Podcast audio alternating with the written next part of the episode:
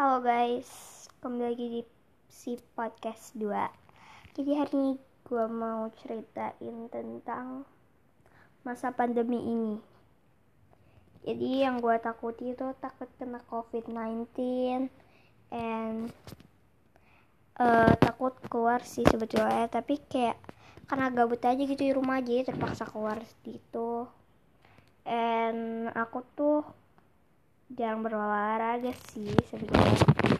Dia berubah jadi yang pengen makan banyak. Eh yang makannya dikit jadi banyak. Yang agak mager belajar lumayan jadi banyak belajar.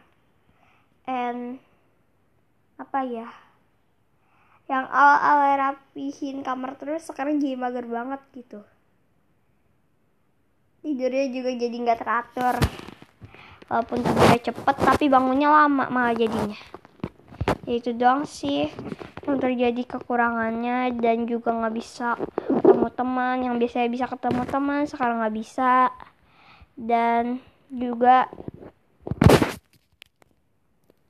begitulah sih sebetulnya